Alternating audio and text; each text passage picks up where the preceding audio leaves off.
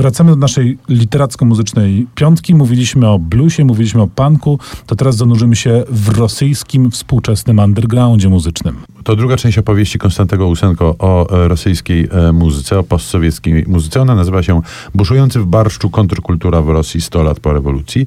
I e, to jest książka niesamowita. Opowiada przede wszystkim o XXI wieku i to i o tym, co się w Rosji całej Rosji dzieje, a więc po części europejskiej, po część e, azjatycką. Zaczyna się to jeszcze w ubiegłym stuleciu. Ósemko ma zdolność do wydobywania rzeczy kompletnie e, nieznanych, kompletnie funkcjonujących gdzieś e, w cieniu, najróżniejszych, od e, traszu poprzez jakieś takie rosyjskie odpowiedniki m, przedziwnego, hedonistycznego disco. Na przykład, e, czy ty wiesz, Tomku, co znaczy słowo ptiucz?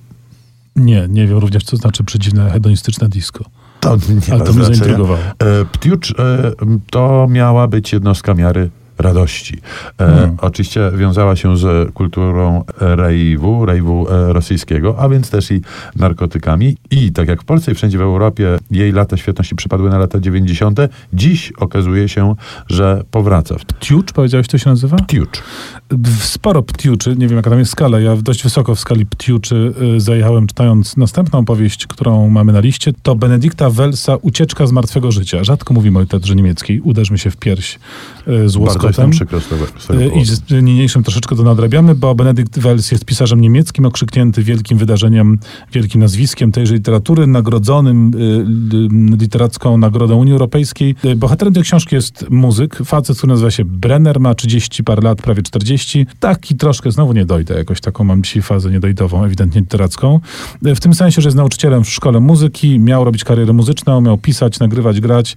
Nie wyszło, więc uczy teraz młodzież, ale w pewnym momencie natrafia na bardzo zdolnego chłopaka, Rauliego, który przyjechał z Litwy i który jest muzycznym geniuszem. Po prostu nieprawdopodobnie gra na gitarze właśnie. Jest w tym jakiś taki potencjał i Brenner nagle zdaje sobie sprawę, że oto jest szansa na, na, na jego również karierę, że oto ma dla kogo pisać piosenki. To bardzo wciągająca taka opowieść o życiu, jakby się powiedziało, e, ale jej e, dodatkowym e, urokiem jest to, że bardzo dużo jest takich różnego rodzaju odniesień do muzyki. Muzyka jest jakby wszechobecna jako, jako coś, co obrazuje i coś wyjaśnia. Na przykład zgadnij, Szymonie, o kim tutaj mowa w tym fragmencie, nienawidził tego starego dziwaka z jego zrzędliwymi, wkurzającymi piosenkami. Na pewno chodzi o Eltona Johna? Nie, o Boba Dylana domyślałeś się na pewno. Taka soczysta, prawdziwa, y, niosąca powieść, a do tego naszpikowana muzycznymi detalami i odniesieniami. A na koniec książka, o której pewnie część z Państwa już słyszała. Magdaleny Grzebałkowskiej, biografia Krzysztofa Komedy. No to jest dość niesamowita rzecz, bo jak wszyscy wiemy, e, Komeda był osobą skrytą, nic nie mówiącą i niewiele o nim tak naprawdę mm, wiadomo. I trzeba było Grzebałkowskiej, żeby się do niego dobrała. Tak, żeby rozgrzebała mm, to, co się da rozgrzebać. Ta książka ma swoich zwolenników i ma swoich przeciwników. Mam bardzo dobrą wiadomość dla tych, którym muzyki w tej książce było za mało.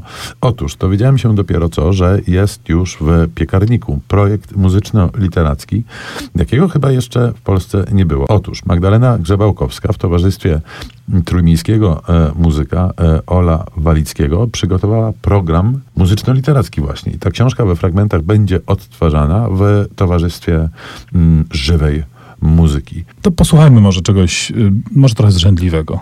Zrzędliwego? Nie sądzę. Ponad wszelką wątpliwość fundamentalnego. Like a Rolling Stone. To jedna z absolutnie kluczowych piosenek dwudziestowiecznej muzyki. Bob Dylan, jakby to nie było jasne.